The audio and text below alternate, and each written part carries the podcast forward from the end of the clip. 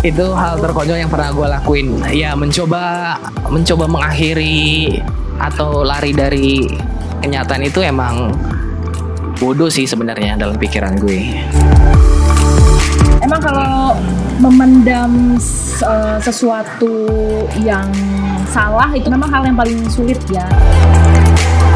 It's okay kalau lo berbuat salah itu nggak masalah gitu. Salah bukan berarti lo harus dihukum. Dari salah itu menurut gue lo bisa jadi pelajaran.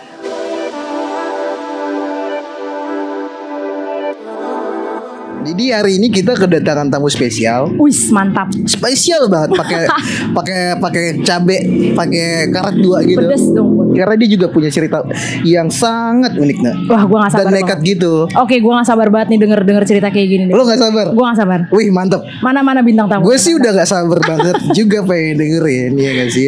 Sebelum ketemu spesial kayak katanya lu tahu banget beda ya tahu dan kenal tuh beda ya. Nah, Ah oke oke. Oke, lo katanya tahu apa sih lo? Kalau gue jelas gak tahu dan gak kenal. Kalau gue, kalau setahu apa sih Nas dengan tamu spesial kali ini? Em, Em, em, kenal-kenal deket sih enggak. Oke. Cuman ya kita pernah ada satu event bareng lah. Oh oke, Ya, event kerja istilahnya Event, gitu. ya ya? betul betul. betul. Oke baik baik. Jadi mungkin kenalnya setelah dengerin podcast ini ya, setelah ngobrol kali ini ya. Hai. Yaudah kalau gitu. em, Langsung aja Put. langsung aja silakan silakan silakan bro. Halo Bang. halo Apa kabar? baik Oh ya sebelumnya terima kasih nih Bang, Abang udah nyiapin waktu untuk makna siap podcast. siap siap Ya, siap Sebagai narasumber pertama. Wah, Kamu lo bang gimana perasaannya? Apa nih Put? perasaan yang saya rasakan Ah. biasa aja ya kebetulan Tapi sebenarnya kita nggak tahu-tahu amat tentang Abang ini sih Put ya. Bisa Iya. coba kenalin. Oke, eh, gua ada nama asli tapi gue biasa dipanggil Andri. Yes. Halo Bang Andri. Halo, halo semuanya. Para pendengar makna. Yes. Ya, eh, saat ini gue eh, sibuk eh, pekerjaan gue karena lagi pandemi gini. Kemarin kantor sempat tutup, jadi akhirnya beralih profesi menjadi ya usaha kecil-kecilan lah. Usaha kecil-kecilan. Iya, usaha kecil-kecilan. Sekarang gue lagi coba sih namanya usaha lele gitu kan, Yes. karena kan eh, dari informasi katanya lele untuk kebutuhan lele di Indonesia ini emang kurang. Jadi gue mencoba terjun ke arah itu karena mudah-mudahan sih lancar ya. Itu sejak awal Covid Bang. Itu pertengahan COVID. Karena di awal-awal COVID gue sendiri sih belajar-belajar karena basic gue accounting tapi karena accounting gue lagi nggak kepake gue akhirnya belajar dari YouTube juga buat ngedit-ngedit video dan akhirnya gue punya YouTube sendiri sekarang. Wow. Berarti ada hikmah ya bang di balik dari COVID-19. Ya, kalau dapat hikmah dari COVID-19 ini karena apa kita emang disuruh untuk eh, jauh dari rutinitas kita biasanya jadi memang kayak menarik diri iya lagi. menarik diri kita ya ibaratnya kita merenung nih apa sih yang udah kita lakuin dan apa yang akan kita lakuin ke depan gitu jadi dan menggali potensi diri kita yang sebenarnya selama ini kita nggak bisa kayak gue misalnya eh, ternyata gue tahu dan gue bisa gitu belajar tentang cara membuat YouTube yang selama ini gue hanya jadi penonton doang gitu. Akhirnya ya dari covid inilah gue belajar banyak gitu. Tentang usaha lele juga.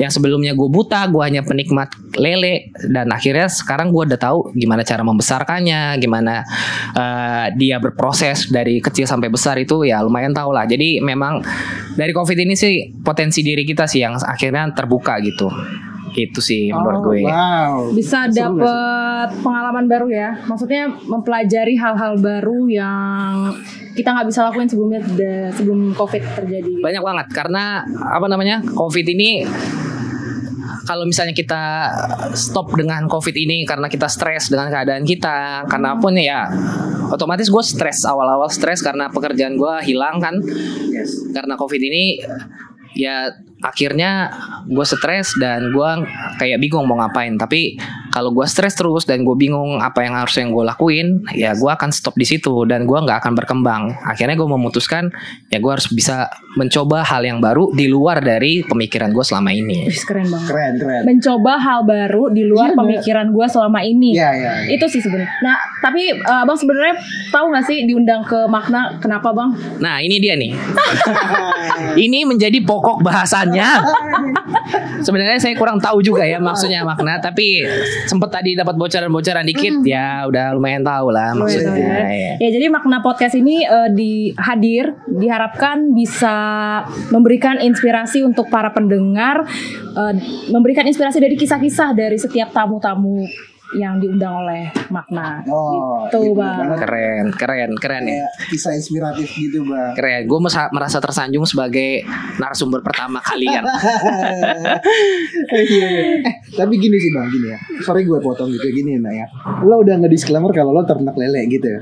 Tapi kalau YouTube apa sih yang lo? Gue belum tahu YouTube apa gitu. Karena gue adalah salah satu penikmat film ya. Film film barat film Indonesia film apa pun itu horor eh, romantis apa pun itu kartun pun gue penikmat kartun. Iya. dan gue melihat eh, banyak YouTube juga kreator-kreator YouTube yang saat ini udah keren-keren banget. Mereka kayak membuat ringkasan cerita dari satu film. Dan gue mencoba hal itu sih. Dan ya lumayan penontonnya juga lumayan banyak ya. Kemarin terakhir ada 9000 ribu lah satu Wow. video gitu. Jadi ya lumayan gitu. Jadi ya gue masih mengejar sih sebenarnya. Masih mencoba berkembang lagi. Mudah-mudahan lancar. Sesenang itu lo dalam sebuah ruangan gitu. kan. Karena sebenarnya gua di ruangan bisa, di luar ruangan bias bisa karena sebelum uh, COVID ini pun sebelum kerja di travel gua uh, adalah fasilitator di outbound provider gitu kan. Jadi ya memang bertemu dengan orang-orang banyak juga bisa walau uh, ketemu dengan komputer depan mata juga ya lumayan bisa gitu Banyak aja. bertemu dengan eh bisa bekerja eh, di situasi yang banyak orang maupun sendiri gitu ya. Iya, ya? betul. Tapi pernah gak sih ngerasain yang kayak aduh gue jenuh nih sama hidup gue gitu. Pernah gak sih ada di titik yang gue capek gitu hidup? Kalau untuk itu sih pernah banget. Eh, mungkin pendengar-pendengar dari makna sendiri juga udah pernah kali ya merasa kayak jenuhnya kehidupan itu udah pernah merasakan. Mungkin kalian, mungkin kalian sendiri juga berdua kan udah pernah ngerasain ya. Gue juga ada eh, merasa kejenuhan itu ya itu dulu sih. Tapi gue akhirnya mencoba bangkit dan ya mudah-mudahan sih ini berhasil tapi sejauh ini sih berhasil ya semuanya itu tergantung diri sendiri dan Tuhan lah kayak gitu aja Nah Ah, tadi eh, Bang Andri bilang kalau misalnya dulu pernah ngerasain ada di titik jenuh. Kira-kira bisa diceritain nggak Bang? Dulu hal-hal konyol ada nggak yang pernah dilakuin ketika ada di titik jenuh itu? Kalau hal-hal konyol itu pernah pernah banget ya jadi gue waktu itu eh, ya eh, kenakalan gue di waktu muda itu is- sekarang udah gue ya? sekarang masih muda ya setengah tua Iya, ya. Gua Bang. gua bang lebih senang ngomong waktu masih gadis kali. Kayak gitu. jadi gue waktu masih ranum-ranumnya itu eh, ya adalah kesalahan yang gue buat dan itu fatal itu fatal banget dan itu terjadi selama beberapa lama lah sehingga akhirnya itu merugikan sih merugikan merugikan orang lain selain gua gitu. Dan itu merugikannya itu orang terdekat gua. Sehingga eh, hal itu yang membuat gua menjadi seperti di titik kenapa gue bisa begini sih? Kayak gitu. Gua akhirnya memutuskan hal yang konyol mencoba sesuatu yang bisa mengakhiri hidup ini gitu ya kan Wah menarik banget nih Put. Dia tadi eh, si abang ini tadi bilang ingin mengakhiri hidupnya. Gimana Bang? Jadi gitu karena hal yang gue lakukan ini adalah hal bodoh dan itu adalah merusak hubungan gue dan teman gue. Jadi dan itu mem- membuat gue berpikir kenapa sih gue bisa kayak gini? Apa kenapa kenapa gue jadi sebodoh ini dan akhirnya gue memutuskan untuk bunuh diri dengan Wow. bunuh diri dengan mencoba meminum baygon. Baygon. Kalau pantai enak Put. Kenapa dia minum baygon? dan dan kalian yang Ah, yang harus kalian tahu adalah cerita konyolnya adalah saat itu gue udah jenuh banget gue lagi di jalan gue berpikir dan gue nangis bener-bener gue nangis di jalan itu dari dari dari gue pergi sampai gue pulang ke rumah tuh gue nangis selama perjalanan. Kebetulan di rumah lagi nggak ada orang sama sekali. Dan di situ gue udah jenuh banget gue kayak "Ah, Tuhan udahlah gue udah capek udah capek banget uh, harus melakukan hal ini. Gue juga kenapa bisa kayak gini ya? Gue juga kok nggak berpikir buat bertobat gitu aja akhirnya gue memutuskan untuk mengambil jalan singkat. Jalan singkatnya adalah bodohnya. Hmm. karena pada saat di rumah itu tidak ada baygon cair ya. Gue mau menusuk diri gue sendiri pun itu rasanya sepertinya sakit dan pasti darah bercucuran di mana-mana ya. Bisa-bisa orang rumah gue panik. Jadinya akhirnya gue memutuskan untuk meminum baygon batang. Baygon bat uh, baygon batang. Maksudnya lu tahu nggak sih yang baygon yang kalau misalnya yang lingkaran itu? Oh obat nyamuk. Obat nyamuk, bakar itu. Ya, obat nyamuk bakar itu yang bulat itu gue potek-potekin. Terus lu larutin sendiri? Gue potek-potekin gue larutin ke gelas. Itu lumayan loh satu satu obat nyamuk bakar itu gue potekin bener-bener potek kecil gitu kayak obat. Yes. gue masukin ke dalam gelas dan akhirnya gue minum. Wow. Eh bang ini true story bener. True story. Anjir. Gokil sih. Itu gue minum dan sampai setengah jam kemudian itu baru berasa reaksinya. Reaksinya apa tuh? Perut mulai Itu mulai rasa jatuh cinta sih enggak lah. Reaksinya perutnya sakit, perut gue sakit banget. Sumpah itu perut gue lebih lebih daripada sakit mah. Dan itu sampai keluar keringet dingin hmm. yang benar-benar keringet dingin dan gue pucat. Dan gue mikir ya udah ini akhirnya gitu kan lu tadi cerita ini tuh kejadiannya di rumah sendirian. Orang pertama yang tolongin siapa bang? Nah, kebetulan tidak ada yang menolong ya. Sampai akhirnya gue entah itu gue pingsan atau emang gue ketiduran. Jadi setelah gue sakit banget perut gue itu, hmm. gue keringet dingin, gue pucat, tangan gue menggigil, perut gue kayak ditusuk banget sama pisau dan gue akhirnya entah ketiduran atau pingsan. Pas gue bangun sih orang rumah masih belum ada dan perut gue udah mulai agak nyaman lah. Ternyata kurang efektif ya. Tapi nggak perlu ditiru sih sebenarnya. Jadi intinya lu uh, terkapar sendiri dan bangun sendiri? Terkapar sendiri dan bangun sendiri ya. Itu menolong diri sendiri. Yes yes. Itu sih itu itu yang gue lakuin dulu dan itu bodoh sih. Oke. okay. Itu hal terkonyol berarti yang lo pernah lakuin ketika ada di titik. itu, itu hal terkonyol yang pernah gue lakuin. Ya mencoba mencoba mengakhiri atau lari dari kenyataan itu emang bodoh sih sebenarnya dalam pikiran gue. Karena sebenarnya semuanya bisa diperbaiki. Dan itu adalah kebodohan sebenarnya jatuhnya. Itu nih Bang Andri 2021 lo catat. Nah lo catat nah. Karena ya itu apa namanya kesalahan-kesalahan kita itu ternyata apa ya uh, eh, gue beruntung banget punya temen yang tadi gue rugikan itu ternyata jauh dari pemikiran gue setelah semuanya terjadi. Hmm. dan akhirnya teman gue itu tahu apa yang sudah gue lakukan. Hmm.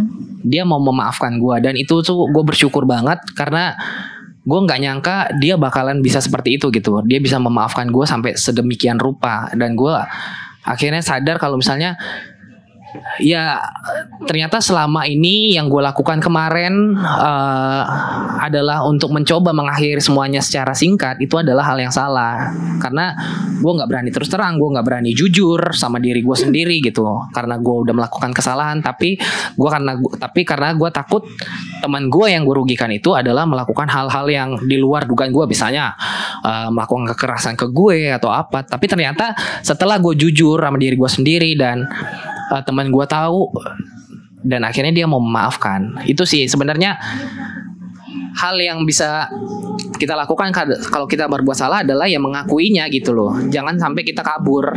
Kita harus ngakuin apa yang udah kita lakukan dan ya berjanji nggak akan ngelakuin lagi. Itu yang paling benar sih. Beda thank you buat cerita lo bang. Tapi kayak gue itu pernah juga sih nggak kayak gini loh. Gue pernah denger cerita. Mm -hmm. ada dalam satu dalam satu keluarga yeah. punya anak tiga bersaudara. Yeah. yang pertama cewek yang kedua cowok dan yang ketiga cewek. Mm -hmm. oke. Okay? si cewek si adik si adik si adik. Itu secara tidak sengaja di dalam rumah dia mecahin uh, mecahin piring kaca mamanya gitu. Terus tanpa disengaja bertepatan di situ ada kakaknya. Mm-hmm. yang pertama okay. cewek jadi kayak uh, si adik ini mecahin mecahin piring kaca piring mamanya. tadi. terus dia ketakutan gitu bang. Dan ngeliat itu kakaknya. Jadi kayak dia takut sama kakaknya sebenarnya dia lebih takut sama ibunya dong iya ya sih bang? Karena ini adalah piring ibunya kesayangan ibunya. Lalu kayak uh, si adik ini jadi jadi terintimidasi gitu sama si kakaknya karena dia yang paling lihat. Sampai suatu saat ada ada momen kayak gini. Kakak purma dong. Karena si kakaknya ngelihat kejadian pada waktu tempo itu dia cuman kakaknya cuman bilang gini adik piring pecah. Jadi yang kerjain yang kerjain tadi bersihin uh, Rumah? sapu rumah jadi si adiknya ada satu hati kecil yang tersendat banget Iya gitu. benar. yang harusnya diomongin kan Ah. sampai sampai banyak kejadian kayak "Ah, kakak kamu cuci piring dong tapi sekarang nggak ngelakuin tapi yang yang disudutkan adiknya kayak Benar. adik piring pecah loh jadi kan Iya. adiknya bilang biar biar adik aja mah yang cuci piring Eh, iya. karena tersudutkan intimidasi gitu jadi Iya. sampai udah berbulan-bulan bang si adik ini ngerasa ini jadi beban banget di hati. Jadi ada momen ketika ketika mamanya pengen suruh belanja si si kakak ke pasar gitu. Mamanya bilang kamu nanti belanja ya kakak gitu. Terus mamanya tinggalin pergi. Terus kakaknya bilang adik piring kaca piring pecah dong. Jadi itu mulu yang jadi masalah di rumah itu. Jadi bener bang. Sampai suatu momen kayak udah gue kayaknya udah capek banget intimidasi sama kakak gue. Gue pengen ngomong sama mama. Gue pengen ngomong apa adanya kalau gue pe- pecahin piring kaca mama. Suatu hari si adik ini memberanikan diri Untuk bilang sama untuk bilang sama mamanya mamanya. kayak mah aku pengen ngomong sesuatu. Kenapa sayang? Pokoknya bilang gitu kan. Sebenarnya mah aku itu mecahin piring kaca kesayangan mama loh. Mamanya cuma bilang gini. Sebenarnya mama tahu semuanya. Mama tahu kamu diintimidasi sama kakak kamu Mhm. piring itu mama hitung semuanya. Mau setelah dicuci ataupun sebelum makan. Oke. cuman kayak kamu mama itu pengen lihat kamu itu mau ngakui kesalahan kamu atau tidak dari momen itu adiknya baru tahu di rumah itu apa pun yang dikerjakan sama mamanya itu dihitung. Mau gelas seberapa pun gitu bang ya nak? Hmm. itu tahu mamanya. Cuman kenapa adiknya ini ngerasa kayak kenapa gue nggak ngomong dari awal kalau gue ngelakuin kesalahan? It's okay kalau lo berbuat salah itu nggak ada masalah gitu salah bukan berarti lo harus dihukum. Dari salah itu menurut gue lo bisa jadi pelajaran. Jadi dari situ dia terlepas dari intimidasi kakaknya. Kayak kakaknya suruh ngapain ngepel nyuci cuci piring. Nggak ada lagi. Adik piring pecah nggak ada lagi yang gitu gitu Iya. lo paham kan bang? Lebih lega lah dia. lebih lega akhirnya nah Iya benar. Iya. Emang kalau memendam eh, sesuatu yang salah itu memang hal di memang hal yang paling sulit ya. Maksudnya sama kayak cerita tadi Bang Andri, Hmm. dia selama ini memendam apa namanya kesalahan dia perasaan dari salah. dari dari kawannya tadi yang Bang Andri sampaikan perasaan salah Yes, gitu yes, kan yes. sampai akhirnya dia ada di titik yang aduh gue nggak tahu lagi nih gue mau ngapain Yes. gitu kan. Aduh gue udah nggak kuat lagi gitu. Akhirnya bang Andri coba untuk eh, mengakhiri hidupnya tadi. Nah kalau aku eh, jujur aja gue tuh eh, tertarik sama kata-katanya ta bang Andri yang bilang kak kalau kalau apa namanya jujur itu memang hal yang memang. jujur itu hal yang penting gitu loh. Jujur itu hal yang penting. Pad- meskipun di pikirannya itu udah netting kan sama teman-temannya ah teman-teman gue pasti bakalan gak suka nih sama gue. Benar. impactnya pasti benci intinya ke si bang Andri. Tapi bang Andri berusaha untuk jujur dan ternyata eh, dimaafkan gitu. Iya. nah gue pengen tahu nih bang apa sih yang lu rasakan setelah eh, lu menerima maaf dari temen lo itu gitu Iya. Jadi apa setelah eh, teman gue memaafkan itu, gue asli sih eh, speechless lah. Sampai gue nggak bisa ngomong apa-apa karena ternyata teman gue tuh sebaik itu gitu. Dan gue udah mengkhianati dia gitu selama ini. Ya gue merasa sangat bersalah banget. Tapi dia memaafkan gue dengan sebegitu hebatnya. Jadi ya gue lega sih lega banget. Dan kebetulan ya gue sama teman gue ini kan punya rutinitas yang bareng gitu kan Ham- Oh. hampir setiap mi seminggu tuh bisa berapa kali kita ketemu intens berarti Bang. intens lumayan intens kita ketemu dan ya gue mencoba setelah gue menerima maaf dari teman gue itu kembali gue mencoba membuka diri buat eh, ibaratnya bisa berrutinitas bareng lagi lah gitu kan akhirnya gue masih diterima sih di lingkungan gue itu gitu bersama dengan teman gue itu. Itu sih bersyukur banget karena ya itu jujur sama diri sendiri itu lebih susah gitu kan. Harus jujur dari diri sendiri dulu dan lu ngaku itu lu, lu salah dan akhirnya orang-orang juga akan mengerti kalau misalnya oh lu salah tapi jangan sampai diulangin lagi dan lu akan balik lagi ke rutinitas lu gitu jadi jangan takut sih sebenarnya intinya itu jangan takut kalau misalnya lu mengakui kesalahan lu Jangan takut untuk mengakui kesalahan. iya jangan takut Ada gak sih komitmen yang lu ingin lakukan agar ketika ke depannya terulang lagi, lu bisa apa namanya bisa mengantisipasinya lagi Iya. gitu. jadi kayak apa namanya ya pengalaman ini sih dengan kebodohan ya yang pernah gue lakukan itu membuat gue berpikir eh, kalau misalnya ada yang kayak gini lagi gitu gue udah punya bisa membentengin diri sendiri lah ibaratnya dengan kalau misalnya gue melakukan ini maka akan jadi seperti ini dan itu akan merugikan banyak orang bukan hanya gue gitu gue mungkin menikmati apa yang gue lakukan tapi belum tentu orang lain menikmati apa yang gue lakukan Uh, banyak orang yang bilang Ah, kalau gimana? hidup ini kan apa namanya berputar. Kadang kita yang bersalah, kadang kita yang menjadi korbannya Iya. gitu. Lu percaya nggak tentang hal itu? Kalau di gue sih diajarinya ya itu apa yang kita tabur itu yang kita tuai kan. Aha, iya iya. Jadi seperti kayaknya gini ya. Gue udah menaburkan apa yang disebut dengan dosa gitu, apa yang Oke. disebut dengan kesalahan. Mhm. Berarti yang gue tuai adalah suatu saat nanti kalau misalnya ya mudah-mudahan sih enggak karena gini Tuhan kan maha ampun ya. Jadi kalau misalnya ya kita sungguh-sungguh bertobat, gue yakin sih kesalahan yang lu lakukan gak akan berlaku buat diri lu nanti ke depannya gitu. Misalnya lu eh, misalnya lu apa misalnya mencuri, Yes. lu mencuri barang orang lain gitu kan. Dan lu mengaku itu, lu salah, lu ngaku ke orangnya, lu ngaku ke Tuhan bener-bener lu Tuhan gue salah, gue udah mencuri gitu. Ya gue yakin sih suatu saat Tuhan gak akan membiarkan lu dicuri. Tapi kalau misalnya lu nggak mau nggak mau mengakui kesalahan lu itu, ya bisa-bisa suatu saat Tuhan mengizinkan orang mencuri dari lu. Tapi kalau lu sadar, lu ngaku, lu benar-benar bertobat, ya Tuhan pasti sih nggak akan membiarkan juga orang sengaja dibiarin lepas buat mencuri barang-barang dari lu sih nggak bakal. Lo ini jatuhnya yang gue tahu ada tiga ya bang, ekstrovert, introvert sama ambivert. Lo tuh masuk ke mana sih bang? Gue dulu adalah orang yang ekstrovert ya. Wow. Dulu gue orang yang ekstrovert, gue tuh emang yang pecicilan ke mana-mana Yes. dan uh, event-event apa pun gue ikut gitu. Tapi untuk yang sekarang-sekarang ini ya mungkin karena tenaga juga berkurang ya, sumsum tulang belakang juga mulai lemah Aduh, gitu ya Iya, kan. Gitu. Ya? ya. Jadi akhirnya ya membatasi lah gue untuk keluar rumah apalagi lagi covid gini kan karena gue harus menjaga juga orang-orang rumah karena gue bukan menjaga diri gue sendiri doang orang rumah juga gue jaga gitu. Oh tidak egois. Iya, ya mencoba seperti itu aja.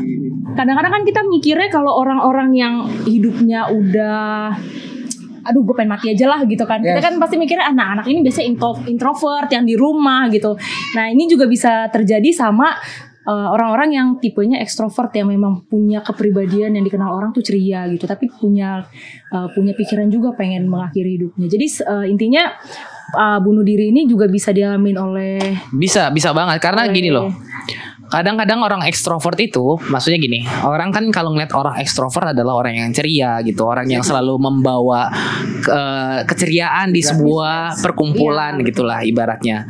Dan kadang mereka yang mencoba untuk menjadi seorang ekstrovert itu nggak pengen terlihat sedih di mata orang. Kalaupun dia kelihatan sedih, dia pasti nggak akan bisa membawa itu ke orang-orang lain karena dia biasa membawa keceriaan ke orang lain, bukan membawa kesedihan. Semacam identitas ya gitu. Iya benar. Jadi kalaupun ada kesedihan dalam dirinya dia, dia bakal susah untuk menceritakan itu. Dan itu juga eh, kadang-kadang kalau misalnya pun nggak bisa diceritakan, itu yang akhirnya kependem sendiri. Berbeda dengan orang introvert. Kalau orang introvert emang dari awal nggak mau cerita kan, dan dia udah bisa menanggulangi kesunyiannya dia itu gitu loh. Karena dia udah biasa sunyi, dia bisa menanggulangi sunyiannya. Tapi kalau orang ekstrovert yang tidak biasa sunyi dengan kesendirian gitu kan, akhirnya dia mendapatkan satu titik di mana dia harus sendiri menyelesaikan masalah sendiri, dia akhirnya kadang-kadang bingung juga gitu karena dia biasanya rame-rame. Menurut gue sih kayak gitu ya. Berarti fix lo. Ekstrovert. Oh, Oke. Gue bisa bilang diri gue ekstrovert. Extrovert ya. Oke Kalau nggak apa nak? Dia apa ya Lo apa? lu gue bingung Put. Extrovert, in- in- introvert atau ekstrovert kayaknya extrovert juga lo? iya Atau lu semi ekstrovert. Saya ini masih. Seminya tuh yang nggak kebuka semua. Iya, Kalau gue ambil sih bang, gue bisa dua-duanya. Gue bisa di tengah kesunyian dan gue bisa di keramaian gitu. Jadi mantap. Tidak ada yang salah sih menurut gue tentang introvert ekstrovert. Cuman kayak gimana lo cara ngatasi problema dalam hidup lo sendiri. Benar. Setuju gak sih bang? Gak ada yang salah tentang Iya. ya paling sih kalau misalnya dari gue buat pendengar.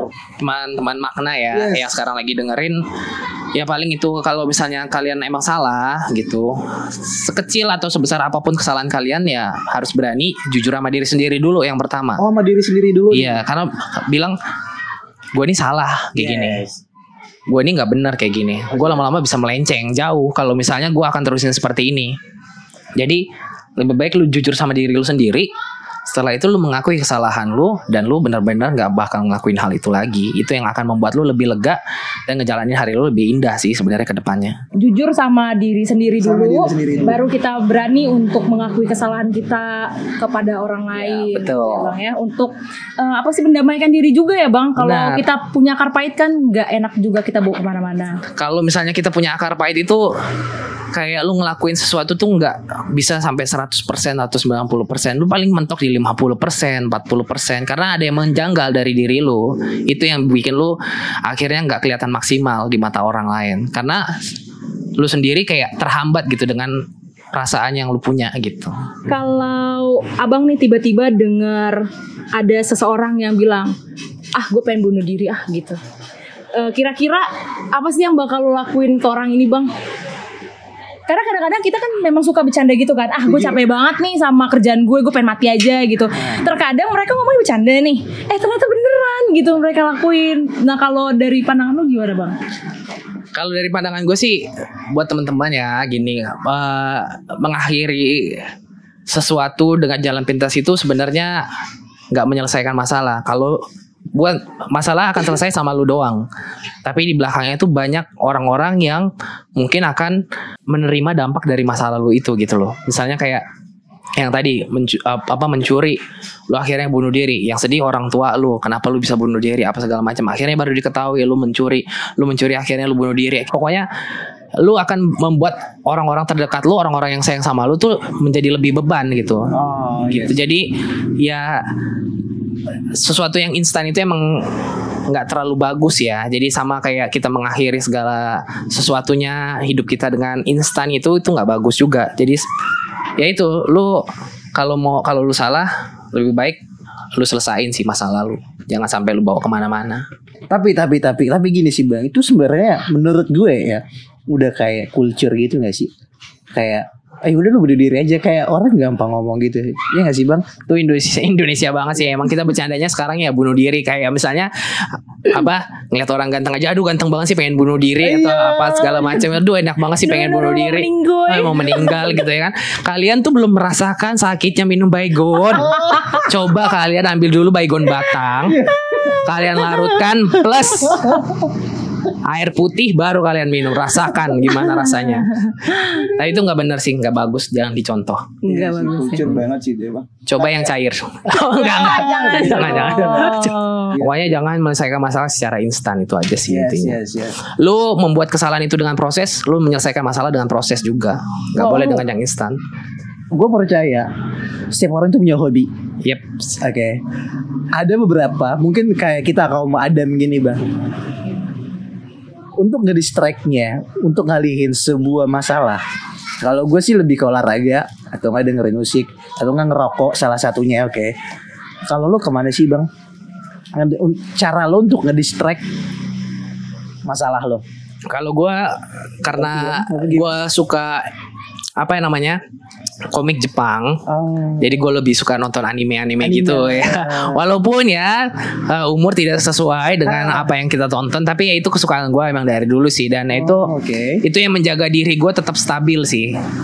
Karena uh, kita kan butuh yang namanya refreshing otak ya buat diri sendiri kita sendiri. Ya itu berbagai macam cara bisa dilakukan. Setiap orang beda-beda. Ya Yes. kalau gue nonton anime itu yang bisa bikin otak gue agak tenang gitu, tidur gue agak lebih pules. ya itu nonton anime. Oh nonton anime. Yes. Ada lagi nggak sih bang cara lo ngatasi stress relief lo gitu? Yap. Paling ya itu kumpul sama teman-teman kayak Oke. gitu cerita-cerita ngobrol-ngobrol bercanda-canda atau yang sekarang mungkin karena lagi pandemi gini nggak bisa ya video call akhirnya Oh, video ya, call. dengan teman-teman ya walaupun sekitar cuma 5 menit 10 menit tapi itu cukup sih melegakan gitu. Oh. jadi pikiran juga nggak ke mana-mana kalau baca buku sih gue bukan orang yang suka baca banget ya Oh bukan yang bukan nerd baca banget buku gitu. yang Nggak nerd ya bang ya? Iya sih yang nggak ada gambarnya ya karena pala gue bisa stres kalau misalnya ngeliat buku yang nggak ada gambarnya. Oh gitu. Eh, Oh iya ya. Ada ya gitu ya orangnya bang. yes. Oke baik. Gue lebih suka buku yang ada gambarnya. Ada gambarnya. ya? Hmm. Buku apa nih yang ada gambarnya gitu? Ya banyak ya. Put. Iya. Oh komik ya. Iya. Baik baik baik baik. Jangan yang ke dewasa Iya, ya. Kita iya. ini lebih. Iya siap siap ya. Itu sih guys itu. Yes sih. yes yes yes. Eh, wow. Om, apalagi ada lagi gak sih lo dari Rena? Gue sih udah banyak banget sih. Atau ada yang lo mau tanyain dari kita bang? Kita boleh nanya. Put jangan kita yang. Ya, Kenapa gitu? Ya apa kali? Di podcast mana lagi yang ada?